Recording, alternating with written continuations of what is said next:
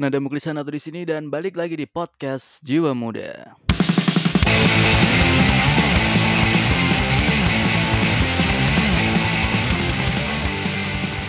Well, well, well. Gua kemarin beberapa kali udah coba buat bikin intro untuk episode kali ini. Tapi karena ini ya otak gua tuh tiba-tiba ngeblank gitu mau bikin mikir suatu intro yang kayak gimana buat episode kali ini. Jadi ya gua nggak perlu intro yang begitu mewah untuk episode kali ini. Gue juga udah janjian sama narasumbernya hari ini, tapi ternyata gue belum bisa nyelesain intronya tepat waktu. Jadi ya gini aja, langsung aja. Selamat datang di Daily Talk episode ke-8. Dan episode kali ini, episode ke-8 ini, gue ngundang temen gue yang doi itu sekarang bakalan jadi calon arsitek. Jadi mahasiswa arsitektur di UMS. So, gue kira langsung aja kita bakalan kupas sedikit banyak mengenai stereotip-stereotip yang ada di seputaran anak-anak arsitek. So, ladies and gentlemen, please welcome the one and only Anissa Sukma Asih. Halo Anissa, apa kabar? Hai, baik. Lagi ngapain nis? Uh, lagi menikmati kegabutan yang sangat hakiki. Ya gimana? Katanya lagi ngerjain TA. TA gimana kabar? Mm-mm. TA kabarnya sangat menyedihkan karena dipaksa untuk studio di rumah pastinya. Aha. Terus um, apalagi ya kabar TA. Kabar TA masih simpang siur karena nggak tahu bisa sidang online atau offline.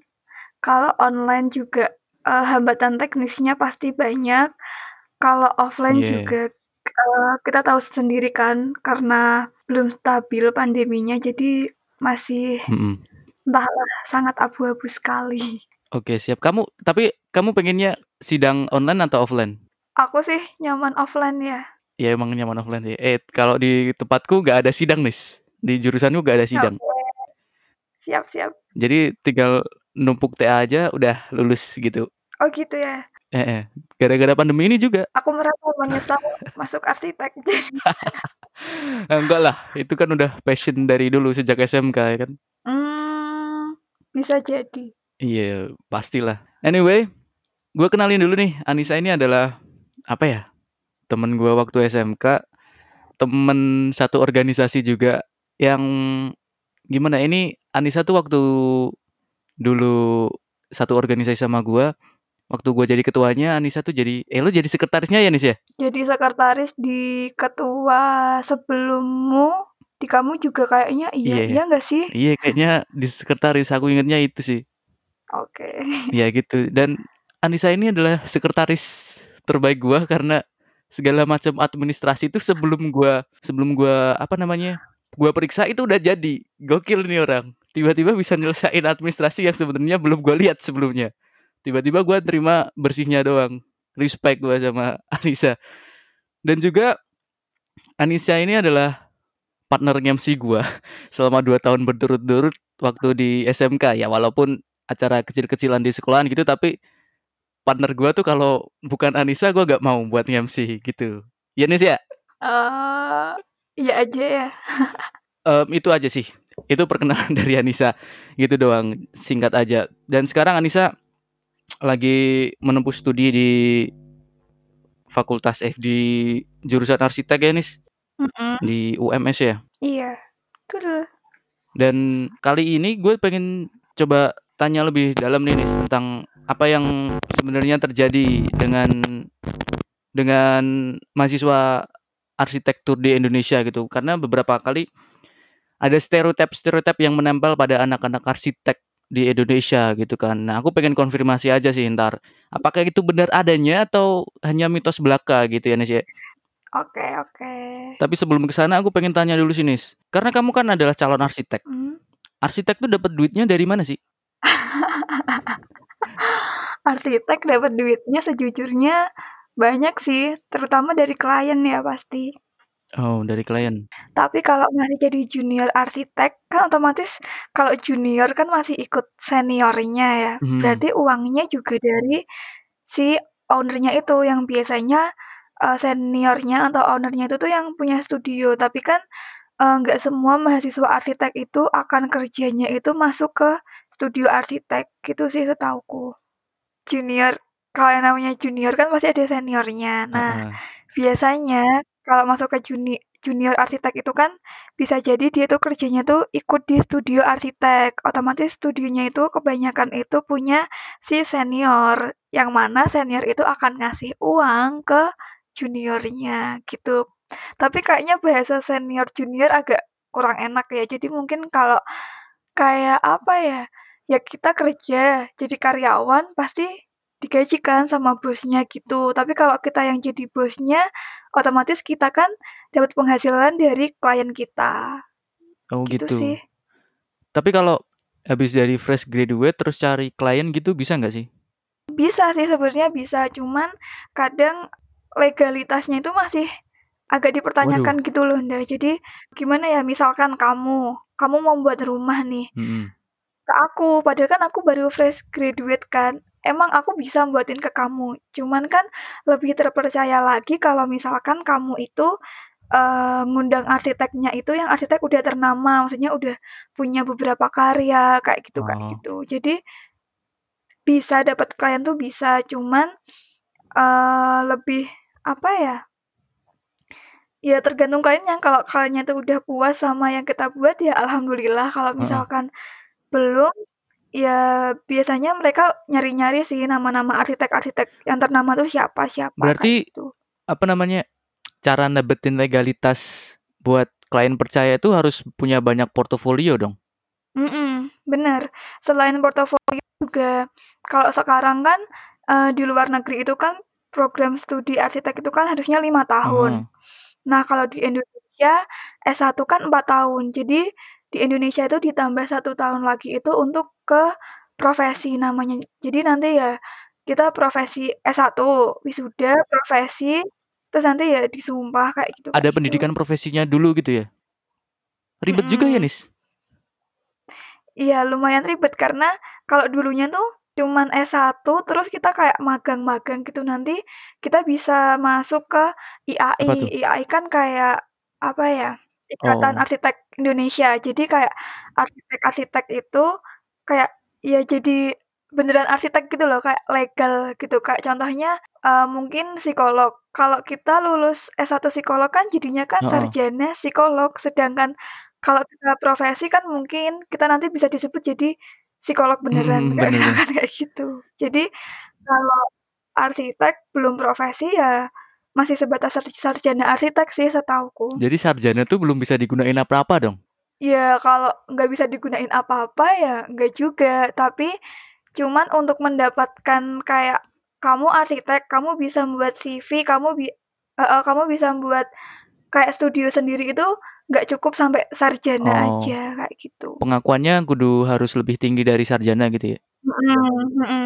Terus ka harus bisa menghasilkan misalkan beberapa karya kayak gitu. Ya bener kata kamu tadi, harus punya isian portofolio yang banyak gitu Nah, sih. itu portofolionya berarti didapat dari studio arsitek tadi atau gimana? Portofolio itu macam-macam, bisa dari kalau misalkan fresh graduate ya bisa dari tugas-tugasmu. Oh gitu, bisa ya? Bisa setiap semester itu kan kalau di aku ya, kalau di kuliahku tuh ada yang namanya studio perancangan. Jadi Aha. kita itu survei, terus cari permasalahan, menyelesaikan permasalahan itu dengan Waduh. desain. Nah, desainmu itu nanti bisa kamu buat portofolio. Kalau misalkan itu Masa tugas lu cari masalah, Nis? Lu Iya, tapi takut emang dapet bener gak sih?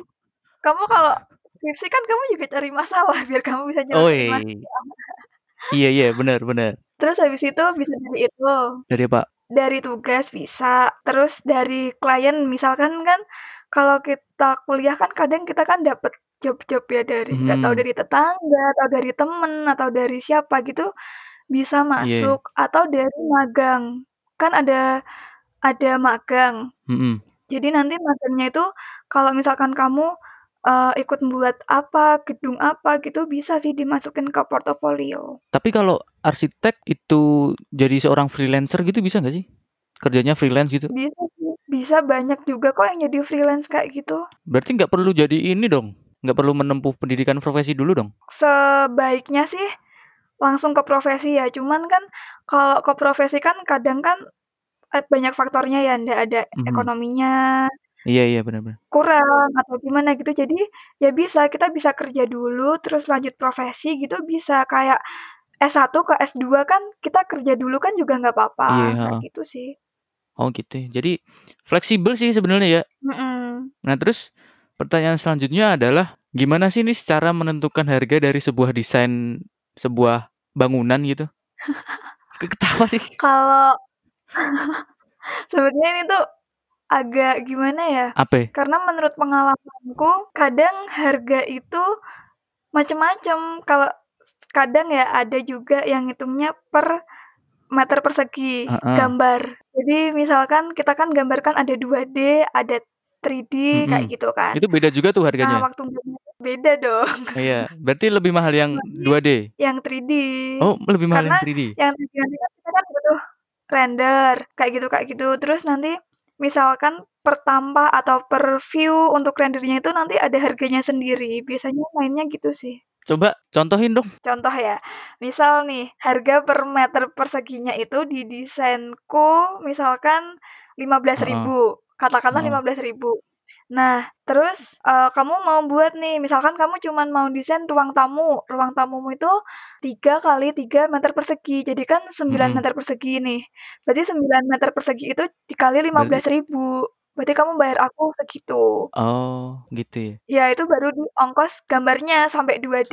Nanti kalau misalkan ruang tamumu itu nanti udah aku buat kan, Heeh. kamu minta revisi. Nah revisinya itu otomatis kamu bayar lagi, Kena charge gitu. gitu ya? Heeh. Tapi biasanya kayak gitu tuh, apa ya, lobby-lobby-an sih, ndak kebanyakan. Misalkan ada juga yang, eee, "Oke ini aku revisi, nggak usah nggak usah bayar nggak papa." Ada juga yang kayak gitu. Cuman Oh ya git ya fleksibel sih tergantung siapa sama siapanya dulu. Kalau yang 3 dimensi juga sama? Kalau yang 3 dimensi itu dihitungnya tuh nggak per meter persegi lagi. Kalau aku sama temen-temen tuh biasanya tuh Terus dari apanya? kita kan ngerender, ngerender kan Mhm. bentuknya isometri ya, otomatis Heeh. 3 dimensi kan. Nah itu sekali render kan dapet 1 view, misalkan 1 view itu kita kita patok harga Rp150.000. Berarti Mahal nanti banget dah. kalau misalkan misalkan kliennya itu minta tampak samping, depan, belakang, ya udah kita kali aja berapa view yang mau dia lihat, gitu.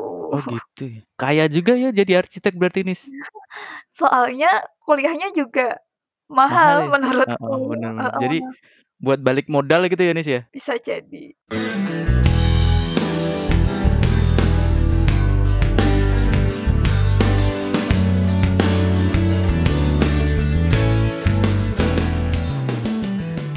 Oke, terus gue pernah denger rumor bahwa harga dari sebuah, apa namanya, sebuah desain total dari desain sampai bangunan itu jadi, itu diambil Mmm. dari 20%-nya dari seluruh harga material, itu bener atau enggak? Ada benernya juga sih menurutku karena ya gimana ya jelasinnya ya, aku agak susah nih. Kalau 20% dari harga total seluruh bangunan tuh bisa jadi iya, karena aku juga pernah baca juga sih diambilnya 20% itu. Cuman kalau mungkin untuk saat ini perkembangannya lebih lagi atau berapa persen lagi itu aku agak kurang tahu ya. Oh, berarti itu Heeh, soalnya zaman dulu ya harga ya? aku iya sih aku dengernya itu udah di semester berapa itu ya, tapi Mmm. nggak tahu kalau sekarang itu masih kepake lagi sih. Oke, berarti kamu habis ini mau lanjut profesi dulu atau mau gimana? Rencananya sih kayaknya kerja dulu kali ya. Oke oke. Terus kerjanya di mana Nis? Nah, itu yang belum punya jawabannya sampai sekarang. Oh. Pengennya sih harapannya bisa masuk ke salah satu studio studio arsitek, ya yang ternama lah gitu. Iya. Soalnya kan Sebutin dong. kita kan perlu di ah. Kan gue juga pengen tahu, apa nama studio arsitek kenamaan di Indonesia. Oh sebenarnya banyak sih Iya coba sebutin deh. aku sih, apa ya, sebenarnya aku pengen banget belajar sama yang namanya arsitek Denny Setiawan. Jadi beliau itu Mmm. tuh punya studio juga namanya Studio Denny Setiawan. Karena menurut aku beliau tuh bisa meng apa ya, meng-influence aku banget gitu loh, karena kan Oke.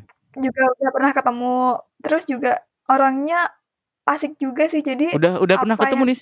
heeh. Di mana tuh? Jadi waktu itu ceritanya aku jadi panitia seminar nasional. Ah, heeh. Eee, terus Aku waktu itu jadi apa ya di panitia tuh, jadi bendahara kalau nggak salah, cuman aku Oke. kayak merangkap jadi humas gitu loh.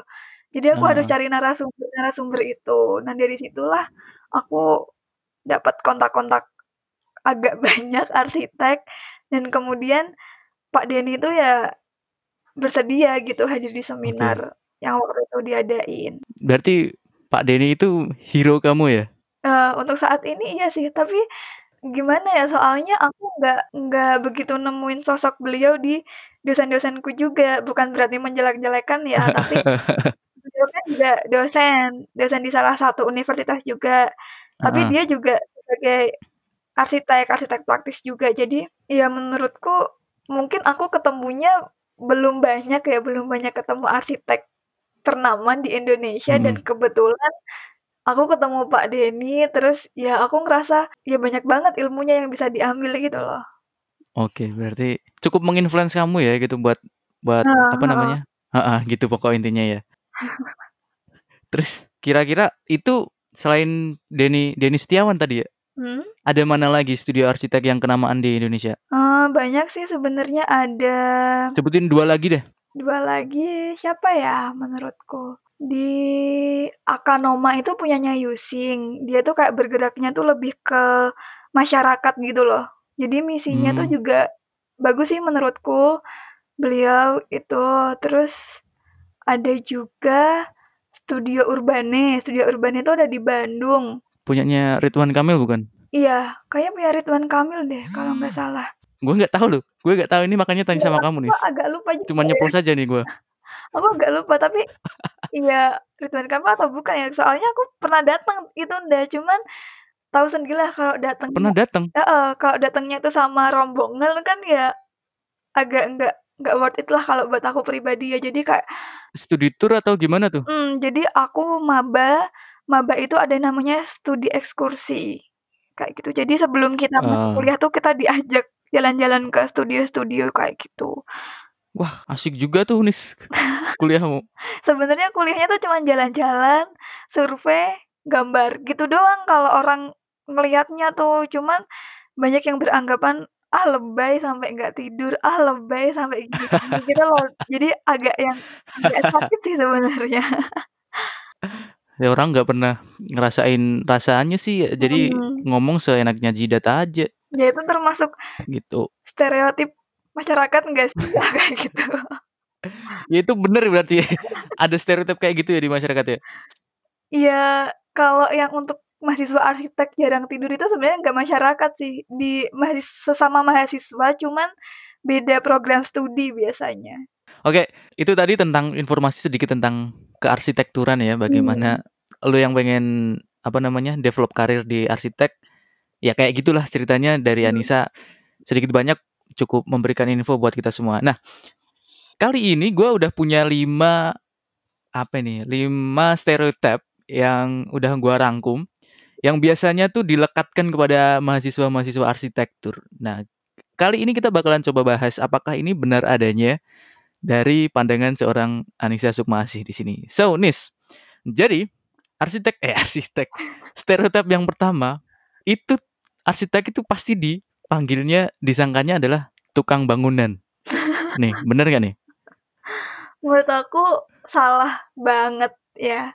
Heeh. Karena tukang itu ada sendiri dan arsitek itu ada sendiri, kayak gitu. Jadi arsitek dan tukang itu memang bisa bekerja sama, tapi mereka nggak sama, kayak gitu. Oke. Kalau Tapi arsitek bisa jadi tukang nggak? Bisa, tapi mungkin kurang pro kali ya, Nda, karena mereka jarang praktek.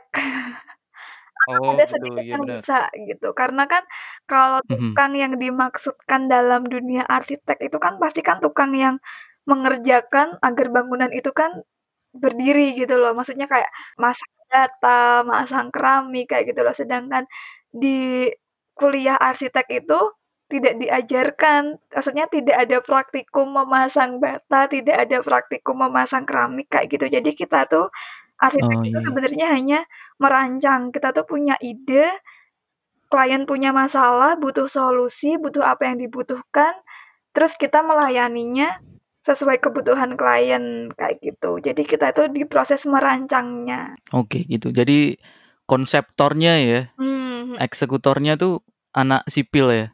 Mmm, bisa jadi iya, heeh. Eh, iya kan? Nah, oke itu tadi adalah stereotip yang pertama dan ternyata tidak seperti itu. Yang kedua adalah anak-anak arsitek ini pasti sering disebut sebagai penghuni kampus seperti yang udah lu singgung tadi, Nis. Nggak nggak, apa namanya, tidur di kampus sampai segitunya dan ini kenapa sampai segitunya gitu loh, bisa disebut sebagai penghuni kampus? Karena, apa ya, kalau itu tuh mau ditolak juga ya emang itu ada kenyataannya, faktanya tuh emang ada gitu loh. Dan mungkin Iya, heeh. sebenarnya tuh kembali ke individu bisa atau enggaknya mereka me-manage waktunya. Jadi kebanyakan kenapa menghuni kampus, karena mereka kan lembur tugas, kayak gitu loh. Jadi misalkan kalau kita sendiri bisa me-manage waktu, pasti kita bisa selesai, bisa tidur.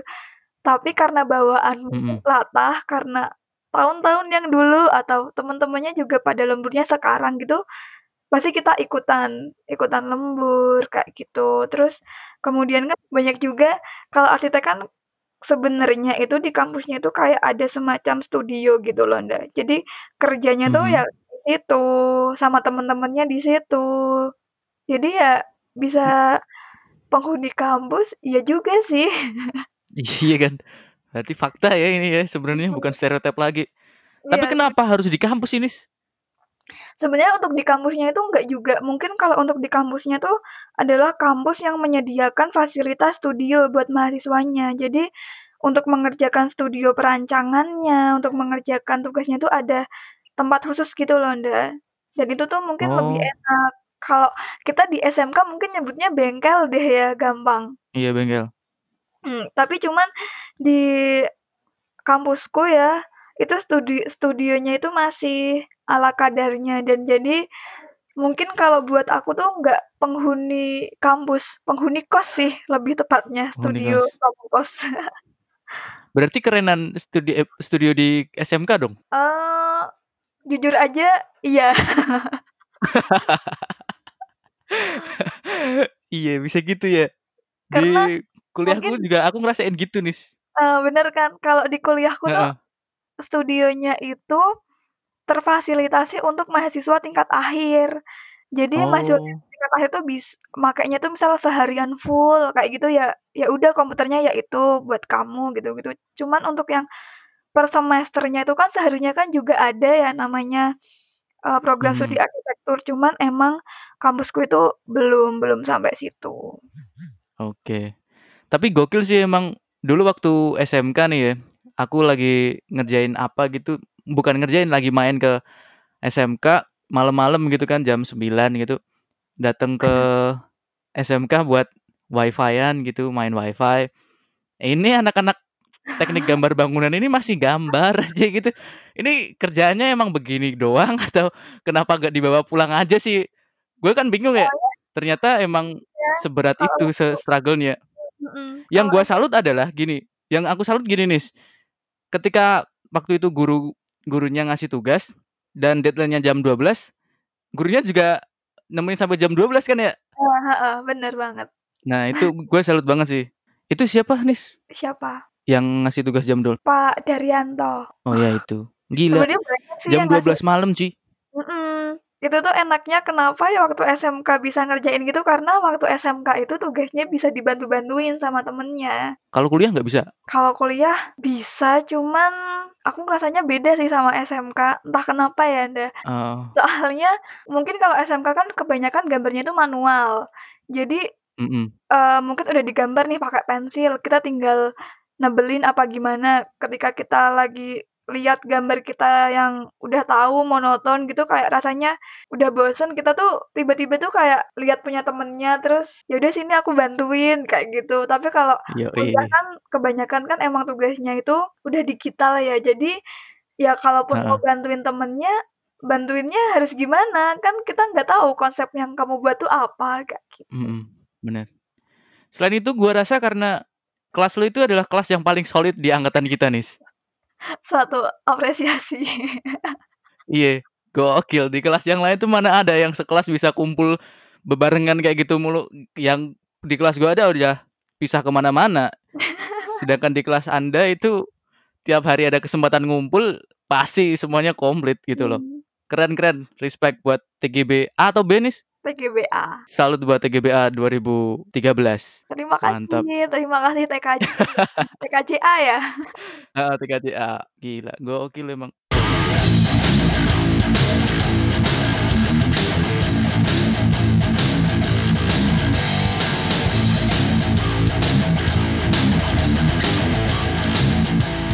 Terus ini lanjut ke stereotip yang ketiga.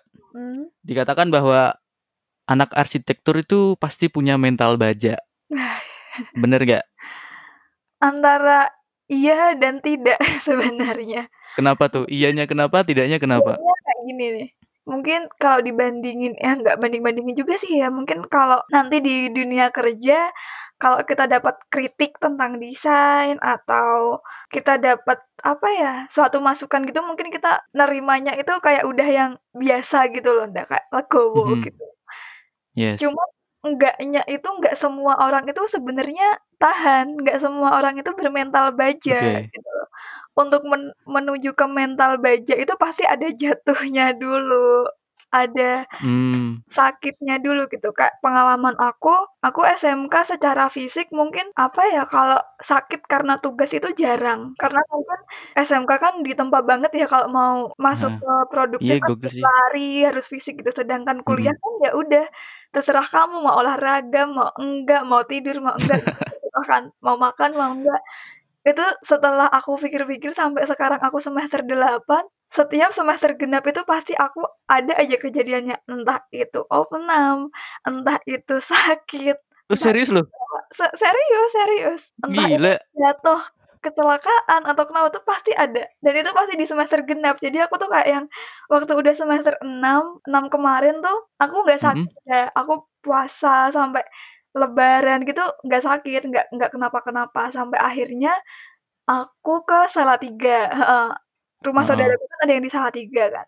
Nah, Heeh. aku jatuh tuh di jalan sama keponakanku, Waduh. aku yang kayak, aduh padahal kemarin aku baru ngomong sama temen deketku kalau, "Weh semester ini aku aman," eh ternyata yang tahu. Terus aku mikirnya semester 8 harus hati-hati nih karena aku ngerjain TA, aku gini-gini gitu. Mhm. Dan malah ada COVID-19 Kak, jadi yang kayak, Yo. kok ini kebetulan banget apa gimana sih? Pasti di semester genap ya kejadian-kejadiannya? Aneh aneh aja gitu loh, dan itu tuh kayak ya kebetulan tapi lucu, tapi aneh. Berarti di semester 8 ini kejadian luar biasanya adalah Covid ya?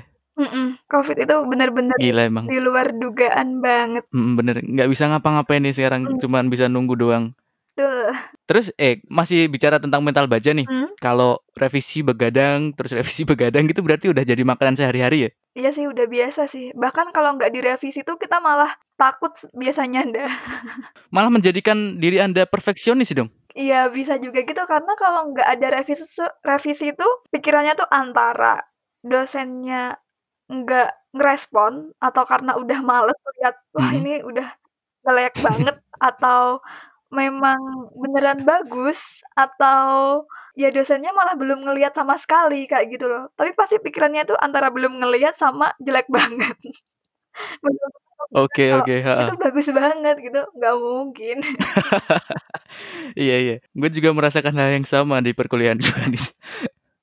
Terus nih, ada lanjut, ada stereotip yang keempat, Mmm. ini agak lucu juga nih. Pasti bakalan ditanya nih, "Itu tas atau etalase alat tulis," gitu kan alat tulisnya banyak banget tuh Mmm, pasti. sebenarnya Apa emang tiap hari itu sebanyak itu gitu loh nis, alat tulisnya yang digunakan sebagai waktu kamu ngerjain tugas-tugas gitu? Sebenarnya itu udah nggak relate sih ya menurut aku untuk stereotip zaman sekarang.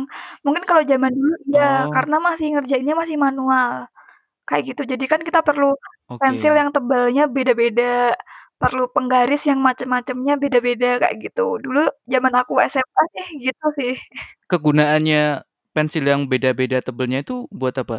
Dulu ada yang namanya pelajaran gambar teknik dah, jadi gambar teknik itu emang kita Mhm. tuh kayak nggambar, cuman gambar dasar misalkan garis 1 lembar, tapi ketebalannya tuh mulai dari yang 0,2 mili, terus nanti Oh. dapet 1/4 baris jadi 0,5 kayak gitu. Jadi itu buat sebenarnya buat kayak ngelatih tangan kita aja sih. Terus nanti untuk gambarnya itu kalau kita mau sketsa langsung pakai freehand, itu kita bisa Mhm. bedain misalkan yang garisnya tebel itu tuh sebenarnya itu tembok, sedangkan yang diarsir itu misalkan itu batu bata, kayak gitu. Oke. Oh, buat ngebedain itu ya, apa namanya, itu apa sih namanya?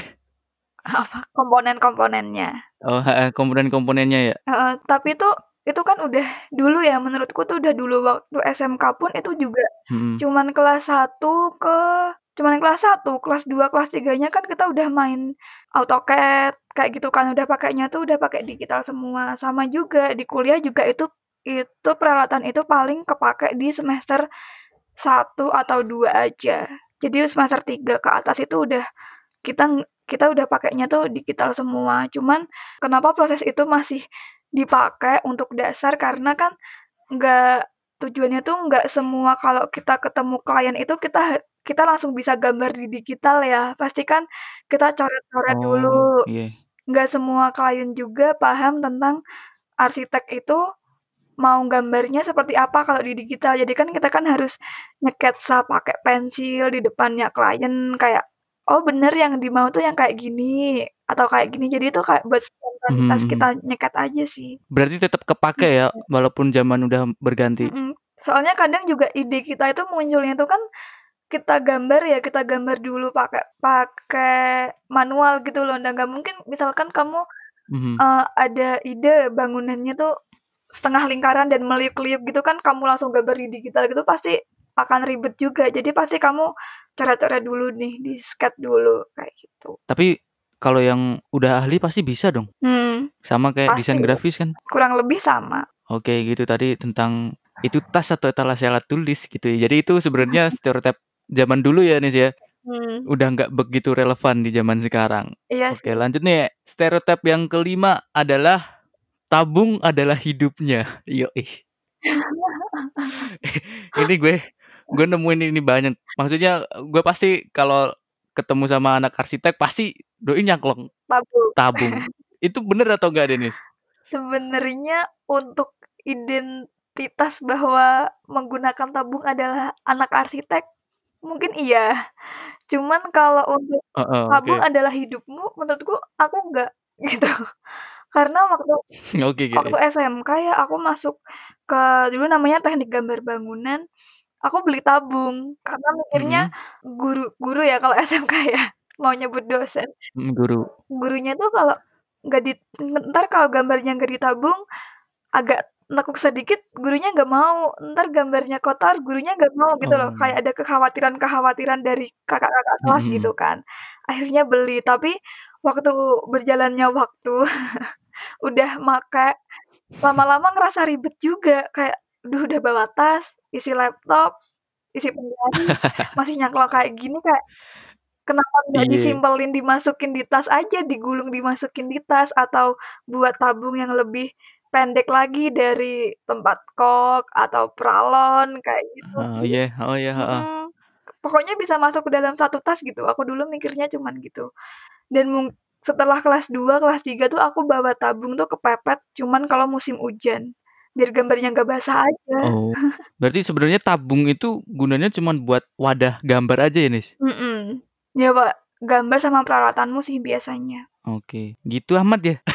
Maksudnya Mhm, dan waktu kuliah kan ada cerita lucu nih, kalau waktu Oke, apa nih? kuliah kan nggak semua orang kan basic-nya dari SMK ya, pasti kan Mhm banyak mhm. tuh banget dari SMA. Bener. Bahkan SMK-nya tuh cuma berapa orang lah paling. Dan mereka kan pasti pengen beli rotring lah yang alat itu, kayak pen itu kan. Yes yes. Terus pengen beli penggaris inilah, pengen beli tabung, kayak gitu. Terus waktu aku kan punya temen deket juga gitu, dia Heeh. anak SMA kayak, "Besok anterin aku beli tabung ya, Nis." "Buat apaan buat apaan?" Aku sampai gitu-gitu, sampai dia tuh pokoknya pengen "Aku pengen punya, aku pengen bawa gambar gini gini gini." Sampai pada akhirnya dia aku pinjemin tabungku dulu dah Mhm. 1 minggu, bawa deh tabungku 1 minggu. Terus kan dia naik motor, terus Mhm. lama-lama dia kayak, "Ah, males banget sih bawa kayak gini." Dia bilang gitu. Ngerasa ribetnya juga akhirnya ya? Mhm. Gokil, Dan itu tapi pun enggak kepakainya cuma sebentar, karena kan kalau Mmm. kita gambarnya udah digital kan kita lebih butuh flash disk daripada tabung Mhm, sebenarnya. bener bener bener bener bener, gokil. Tapi tabung kamu sampai sekarang masih ada, Nis? Masih, masih di Solo malah. Oh, masih di Solo. Ja Heeh. jadi masih berguna ya? Berguna untuk pajangan dinding malah Ya, sekarang. iya maksudnya itu. Berguna buat nostalgia pernah Mhm. ribet-ribetan jadi anak arsitek.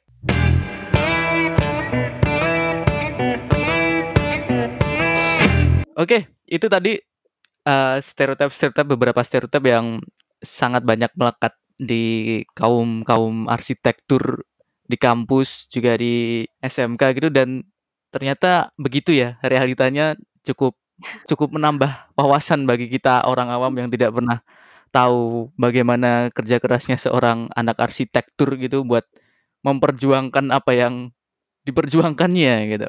Tapi Nis, itu tadi tentang stereotip. Nah, gue pengen tanya sedikit tentang pencarian ide kamu kalau kamu lagi pengen gambar tugas gitu, gimana Mhm. kamu cari idenya? Maksudnya dapatnya dari mana gitu?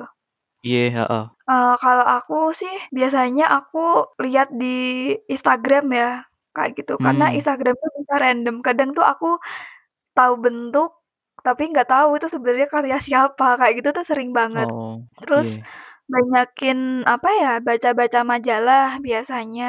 Tapi kalau aku sih nggak terlalu baca majalah tuh nggak terlalu untuk dapat ide, cuman untuk dapat referensi wawasan aja, kenapa dibuat gini, kenapa dibuat gitu. Mmm. Karena kalau aku pribadi tuh kalau aku pas nyari referensi itu terlalu banyak ngelihat karya-karya yang kemarin-kemarin, nanti aku tuh orangnya tuh kebawa gitu loh, Nda. Malah nanti tuh Kebawa gimana? desainnya tuh jadinya tuh mirip-mirip, kayak gitu loh. Oh, malah cenderung ke plagiat ya?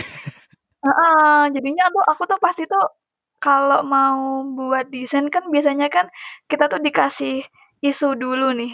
Misalkan ada isu di daerah Sukoharjo Dikasih gitu isu? misalkan mhm, jadi kita dikasih permasalahan gitu loh sama dosennya tuh wak Oh. kalau semester. Misalkan di sana itu sebenarnya ada potensi wisatanya, cuman nggak ada Oke. fasilitasnya, kita harus gimana misalkan gitu. Jadi nanti, Mmm. eee, baru deh kita mikir-mikir, "Oh, di sana tuh ada gamelan ya, gamelan itu relate-nya sama apa sih?" Misalkan kayak gitu. Terus kita survei ke lokasinya, kita kan otomatis cari lahan, kayak gitu, cari lahan-lahan kosong lah, kita anggap itu milik kita. Itu surveinya beneran tuh, Nis? Beneran lah, Kak.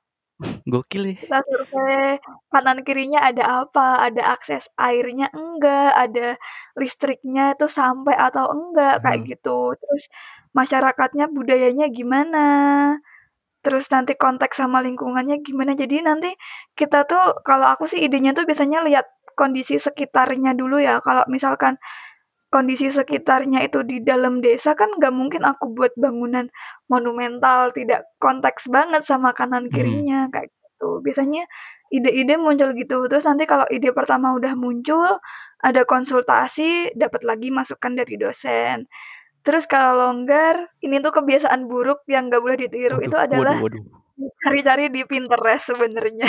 Oh. Oh, itu malah kebiasaan buruk, Nis? Iya, karena kita kan nggak tahu ya, Pinterest kan sumbernya itu kan nggak nggak terlalu valid menurutku sih. Kalau misalkan kita cari gambar, eee, bangunan ini, A gitu, nanti yang keluar kan misalkan di oh gini misal yang gampang ya, kita cari model pintu, model pintu kan banyak tuh, Mhm. misalkan kita buka Pinterest lah banyak. Nah, kita tuh dapet nih gambar pintu, tapi kan kita nggak nggak dapet gambar sebelah pintunya itu sebenarnya ada apa, terus kanan Oh, kirinya iya ada iya. apa gitu loh, kita nggak dapet artikel utuhnya gitu loh kalau di Mhm Pinterest mhm. tuh. Jadi itu, tapi Pinterest cukup membantu sih. Tetep ada gunanya dong ya? Iya dong. Terus? Terus ya apalagi ya, udah itu sih sebenarnya. Udah itu Tanya doang? apa lagi dah? Iya udah, kan cuma pengen tanya gimana pencarian idenya gitu, Mhm. ternyata emang ini ya, arsitek tuh adalah problem solver ya, Nis, ya? Mhm, bener, emang kita makainya sih biasanya metodenya itu deh dan ada kayak apa ya, pemikiran tentang desain, apa sih namanya, Apa ya? Nggak tahu. thinking design thinking, design thinking atau apa gitu. Oh, Jadi kalau, critical eee, design orang thinking. desain tuh kayaknya itu deh. Oh iya, gue nggak Jadi kalau kita desain kan kita kan, eee, nggak asal desain, kita kan menyelesaikan permasalahan Heeh. Cara mendesain kayak gitu. Jadi ya ya sebenarnya kita cuman ngasih solusi aja sih gitu dan idenya itu nggak satu langsung fix, pasti satu jadi ada waktu luang ganti lagi ganti Mhm lagi mhm. sampai akhirnya H-1 barulah bisa fokus Oh gitu. membuat A. Tetep ya, tetep pas deadline gitu ya, pasti keluar idenya. Maksudnya makanya kenapa begadang ya, karena patokannya tuh di H-1 Iya itu. bener bener. Bener gokil emang anak-anak arsitek tuh. Baja, memang mental baja. Oke. Gua kira itu dulu ya, Nis, ya. Terima kasih Oke. atas ilmu yang disampaikan. Terakhir nih aku mau ngasih spot buat kamu closing statement deh. Terserah apa pun itu apa yang pengen kamu sampaikan. Sebelumnya apa ya, aku mohon maaf dulu nih kalau misalkan nanti mungkin argumenku atau opiniku tuh ada yang kurang benar Mhm. atau kurang banyak yang tidak berkenan itu aku minta maaf dulu. Tapi closing statement-nya apa ya? Oh, aku inget banget apa yang di pernah dipesenin sama Pak Denny. Kalau kita jadi arsitek ya, kita tuh nggak nggak selamanya kita tuh bisa berarsitektur dengan bagus, bisa menghasilkan karya yang selalu bagus. Tapi kita harus tetap menjadi arsitek yang baik gitu. Karena kuncinya kalau arsitek baik, personal kita baik, kita bakal dikenal dan, dis- dan disambut orang dengan baik juga. Mantap. Kayak gitu. Gokil. Kalau ini pesan buat teman-teman sesama mahasiswa arsitek Apa ya? Pesan buat temen-temen mahasiswa arsitek terutama yang di semester iya, iya itu. akhir di 2020 tetap semangat walaupun mungkin studionya di rumah, mungkin sidangnya online, mungkin nggak bisa apa ya nggak bisa buat market bareng-bareng sama temen. Mhm. Tetap semangat karena emang kondisinya lagi kayak gini dan jangan lupa kalau kalian itu sudah sangat baik bisa bertahan di kondisi yang seperti ini. Tetap semangat. Cahyo. Jayo. gitu gitu ya, Keks. Itu tadi Anissa Sumasih. Terima kasih sekali lagi Nis sudah mau mampir di sini. Terima kasih udah meluangkan Oke. waktunya. Gua kira itu dulu ya. Cukup sekian buat uh, episode kali ini. Cukup memberikan wawasan baru ya buat kita semua yang belum pernah tahu apa itu arsitektur dan gimana seluk-beluk di dalamnya cukup bagi gue ini cukup ini sih insightful juga sih. So gue kira itu aja. Terima kasih atas atensinya sampai di detik ini. Sampai jumpa di episode selanjutnya. Gua Nada Muklisananto dan juga Anissa Sukma Asih pamit dari pendengaran lo. As always, we are sign out.